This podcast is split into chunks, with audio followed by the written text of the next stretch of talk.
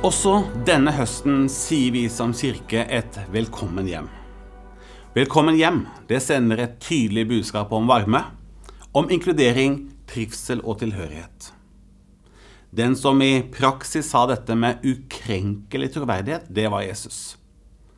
Han klarte å samle og skape en gjeng ut av totalt forskjellige folk og personlighetstyper.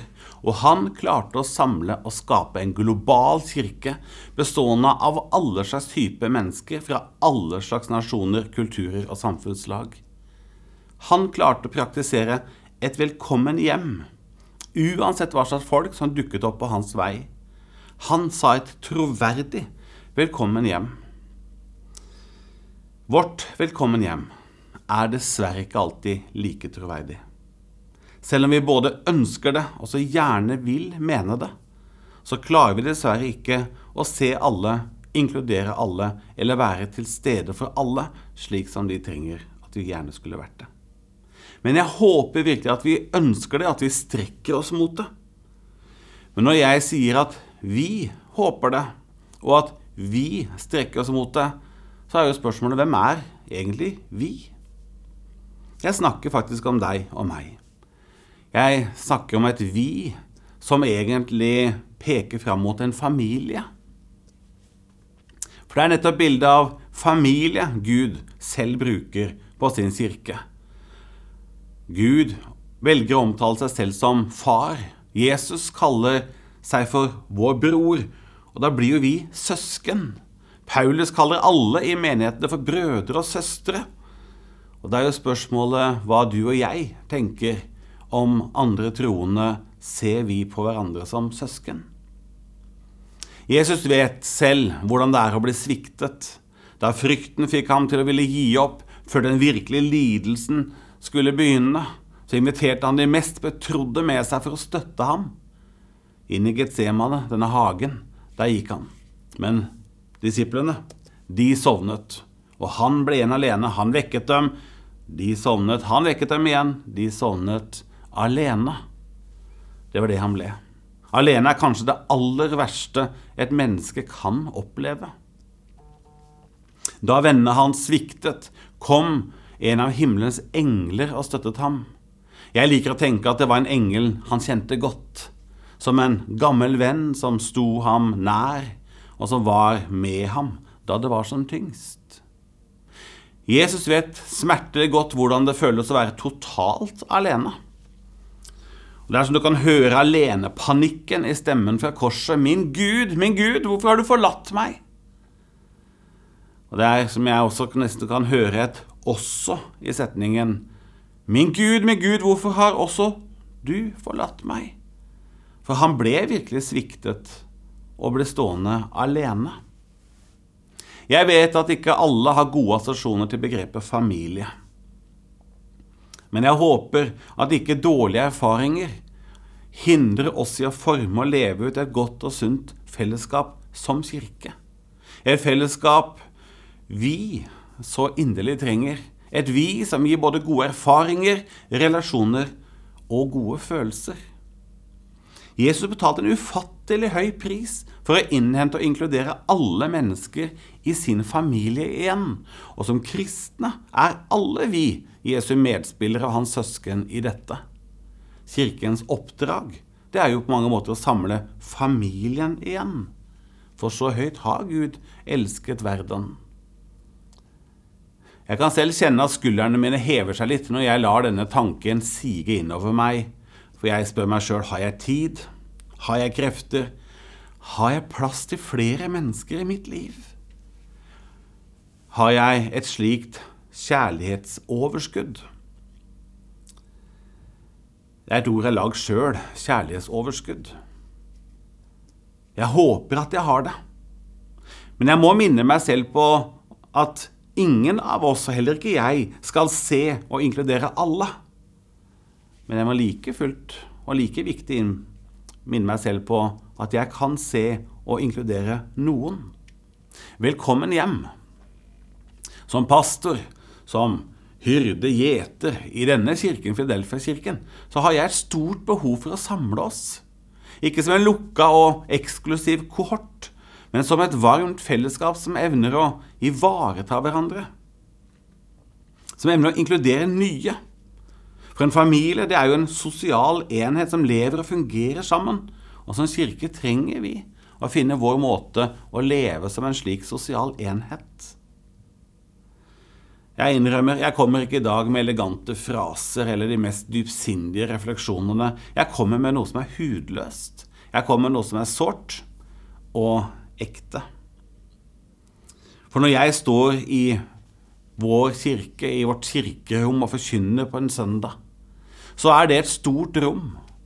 Og sjansen for at det i dette rommet går ensomme mennesker rett ved siden av meg, er stor. Mennesker med unike evner og talent men eh, som på livsreisen har blitt skada eller opplevd at noe har gjort.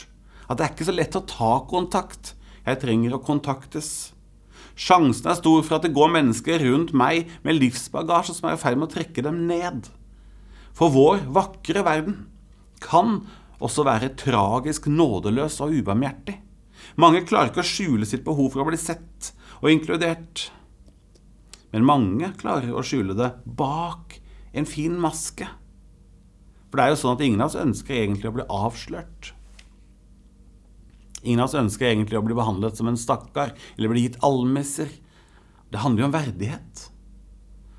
Men like fullt forunderlig mange av oss trenger å bli sett og få en venn.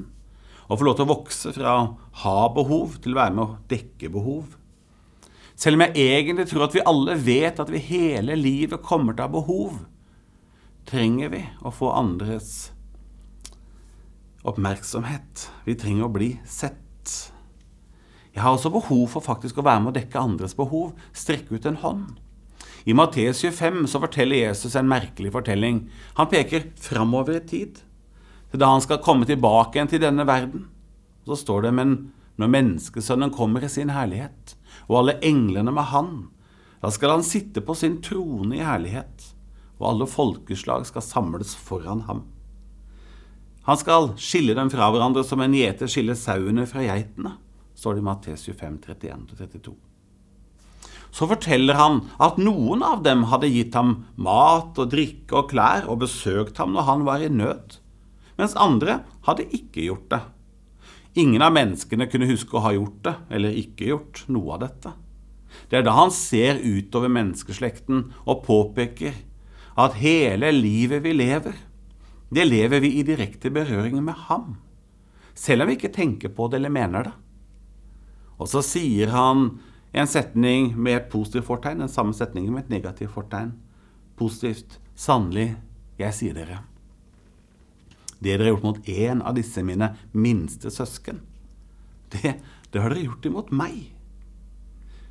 Så ser han utover flokken av mennesker. Og så sier han den samme setningen, men med en negativ versjon.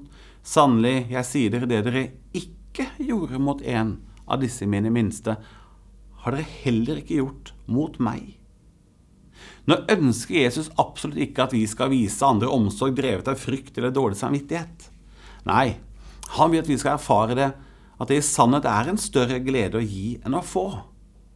Slik vår hjertemuskler blir sterkere ved sunn belastning, så vil også vårt kjærlighetsoverskudd vokse når vi i praksis elsker mennesker. Ikke bare de som elsker oss tilbake, men de som kanskje enda ikke evner å gi så mye tilbake. Hvis Gud sier at vi er en familie, og Han er vår far, ja, da er vi familie. En familie som til tider har gitt Jesus et litt dårlig rykte. En familie som ofte har krangla og brutt alle Guds forordninger om et sunt og hellig liv.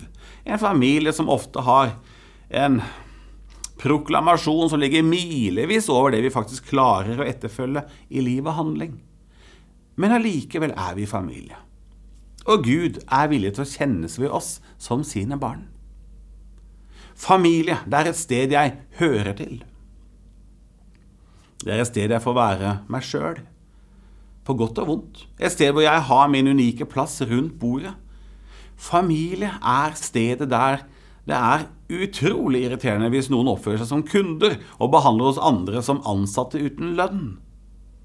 Men vi er allikevel familie. Den følelsen er det ikke bare Gud som kan gi oss. Den må vi også være med å gi hverandre. For svært mange er vi et fellesskap som betyr uendelig mye. I vårt kirkefellesskap opplever mange at troen styrkes og utvikles. I vårt fellesskap har mange funnet en trygg havn i et stormfullt liv. I vårt fellesskap har familier i generasjoner funnet vennskap, trygghet og støtte. I vårt fellesskap har mange funnet både sitt åndelige og relasjonelle hjem.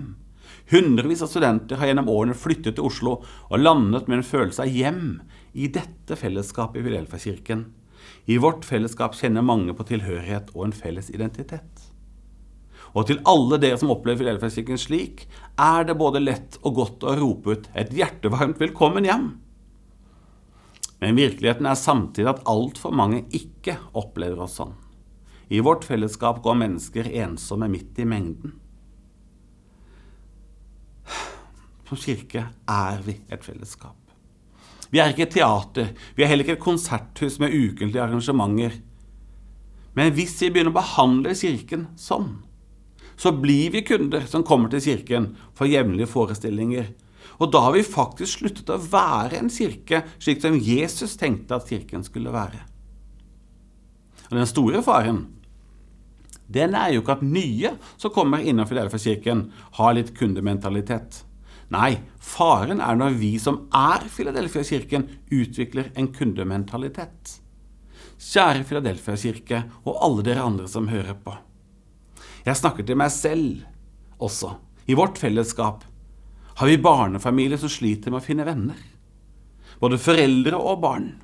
Hvis du ønsker at vi skal øke trivselstemperaturen noen hakk, trenger du bare bevisst å se deg rundt og ta kontakt med noen du ikke allerede kjenner. Kanskje ta en telefon til noen du ble minnet om. Hvem av oss har vel ikke plass i hjertet vårt for ett menneske til? Hvem av oss har vel ikke et vennenettverk som det er plass til én eller to nye? I vår kirke går studenter som ikke finner et sted å kalle hjem, eller et menneske de kan kalle en venn. I vårt barne- og ungdomsarbeid har vi mennesker i begynnelsen av livet som ikke finner venner her i kirken. Og hvis de ikke gjør det innen kort tid, vil de oppleve vår kirke som et kaldt og et ugjestfritt sted. De vil naturlig nok forlate da vår kirkefellesskap og bygge relasjoner og plante sitt liv andre steder. Og igjen, ingen av oss kan se alle. Ingen av oss kan inkludere alle. Men alle av oss kan se og inkludere noen. Jeg har sittet i så mange samtaler som også har vært triste samtaler hvor flotte mennesker har uttrykt fortvilelse og sorg over at vårt velkommen hjem ikke har alltid blitt opplevd ekte og troverdig. Vi kan ikke ansette nok folk i Filadelfia-kirken til å være venn med alle. Vi har ikke ansatte nok til å inkludere alle heller, og det har aldri vært tanken at vi skulle gjøre det heller. Vi trenger å si at hele kirkefellesskapet vårt tenker om seg selv som familie. Vi vet alle hvor lett det er, fordi det er så utrolig komfortabelt og heller synse og bestille enn å produsere og levere. Jeg som kunde kan gå rett inn i en butikk. I løpet av sekunder har jeg dannet meg en oppfatning av hvor rent og pent det er, et par raske blikk, og så har jeg dannet meg et bilde av om det er et utvalg og en kvalitet som tilfredsstiller min smak, og om servicen er god nok. Og da tenker jeg ikke et sekund på om jeg skal bidra eller ta ansvar når jeg er i butikken. Jeg er jo kunde og ønsker å bli betjent, og det er jo min rett som kunde. Vi kan ikke tenke sånn som familie, og vi kan ikke tenke sånn som kirke. Det står om Jesus rykte om han spredte seg over hele Syria, og de kom til ham med alle som hadde vondt og led av forskjellige sykdommer og plager. Både de som hadde onde ånder, de månesyke og de lamme. Og han helbredet dem, og store folkemengder fulgte ham. Det var Matteus kapittel 4, vers 25. 24, vers 25. Jesus kunne av de med behov og ønsker fort ble sett på som en mann som han kom til og bestilte noe. Så var de kundene, og han var både leverandør, servicepersonell, håndverker og nesten Nav. Men sånn er det ikke i en kirke.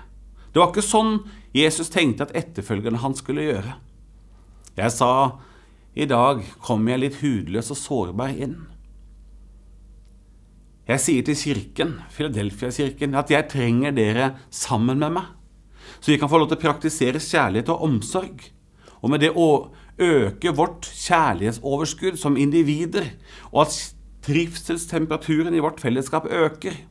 Dere som ønsker at dette skal være deres kirke, ikke hver kunde, hver familie. La oss sammen se rundt oss og oppdage noen vi ikke har sett før. Det var en som sa til meg en gang at denne kirken er så stor. Det er så lett at vi bare forsvinner i mengden. Mens jeg tenker la oss tenke litt annerledes. Vi er en av dette landets kirker med flest øyne. Så vårt potensial til å se er egentlig enormt stor. Vi trenger bare begynne å aktivisere øynene våre. Og for deg som kommer til vårt kirkefellesskap søndag etter søndag eller uke etter uke og tenker det er ingen som har sett meg, jeg har lyst til å oppmuntre deg og kanskje utfordre deg til å ikke komme neste uke og forvente å bli sett, men tenk heller jeg skal se noen for det øyeblikket du blir sett. Det er ofte det øyeblikket du selv velger å se noen. For når jeg ser deg, så ser du meg. Dette er ikke bare noe vi kan løse med å organisere ting, dette med varme og, og inkludering. Det er ikke bare å si at nå skal vi ha storfellesskap og småfellesskap. Nei, dette med å skape en varm familie, det er noe som spirer og vokser ut fra en kultur og en innstilling vi har i hjertene våre. For ingen av oss kommer til å gå over tid i et fellesskap som ikke ser meg. Og jeg tenker, hvorfor skal jeg gå i fellesskap hvor jeg heller ikke ser andre? Vi har ikke en drøm om å være et fellesskap med lukkede kohorter. Jeg ønsker at vi blir mer lik Jesus og går ut av vår egen komfort og banker på hjertedører. For ditt blikk og din kontakt kan forandre et menneskes hverdag, og kanskje et menneskes liv. Og vi snakker ikke nødvendigvis om mennesker med tung livsbagasje eller store problemer. Disse skal vi definitivt også se og hjelpe. Men mange trenger bare en venn, et nettverk, et småfellesskap eller en invitasjon til noe hyggelig. Jeg leter ikke etter moder Teresa i dag. Jeg snakker til oss alle. Jeg er jo selv en litt mer introvert type enn ekstrovert egentlig. Men jeg kan lett identifisere meg med deg som syns at veien fra en møtesal og ut på fortauet er den mest krevende distansen i kirka vår. Og jeg er lei meg for deg som har gått her i kortere eller lengre tid uten å oppleve at noen av oss har sett deg eller lært oss navnet ditt. Jeg har så lyst til at du skal oppleve oss som din familie. Alle i en familie vet at ingen familier består av like folk. Vi er noen ganger uenige. Vi kan ha forskjellige følelser og smak, men vi er allikevel familie. Jeg skulle så inderlig ønske at vi ble mer kjent som en imponerende, inkluderende kirke enn noe annet. La meg si det en gang til. Er det noe jeg skal ønske vi var kjent for, så var det at vi var imponerende inkluderende. For det er kanskje sånn at Jesus går midt i vårt fellesskap ensom, jf. Matteus 25. Og kan det være sånn at det er du eller jeg som rusler bort til han og sier 'Velkommen hjem, Jesus'? Sannelig, jeg sier dere, det dere har gjort mot en av disse mine minste søsken, har dere gjort imot meg. Og hvis du syns at det å ta kontakt med folk kan være vanskelig, la meg gi deg to konkrete tips fra mitt hjerte. En godt trent introvert helt til slutt. Hvis du igjen og igjen opplever å ikke bli sett, bestem deg for å se en eller to. For idet du våger å se noen og si et hei, så er sjansen for å bli sett gått fra 10% til 100% Og nummer to, hvis du syns smalltalk er vanskelig, senk skuldrene, bestem deg for å være oppriktig interessert i den du snakker med. Still spørsmål, husk svarene, for neste gang du møter vedkommende og husker navnet og vedkommende sa, så er dere i ferd med å bygge en relasjon. Og del nødvendigvis ikke alle dine utfordringer og klager i den første samtalen, og husk at det finnes en sunn mellomting mellom total taushet og snakke hele tiden. Gud hjelpe oss som Philadelphia kirke til å være et fellesskap hvor du blir sett, og du blir inkludert, og du ser noen og er med og inkluderer noen. Gud velsigne deg.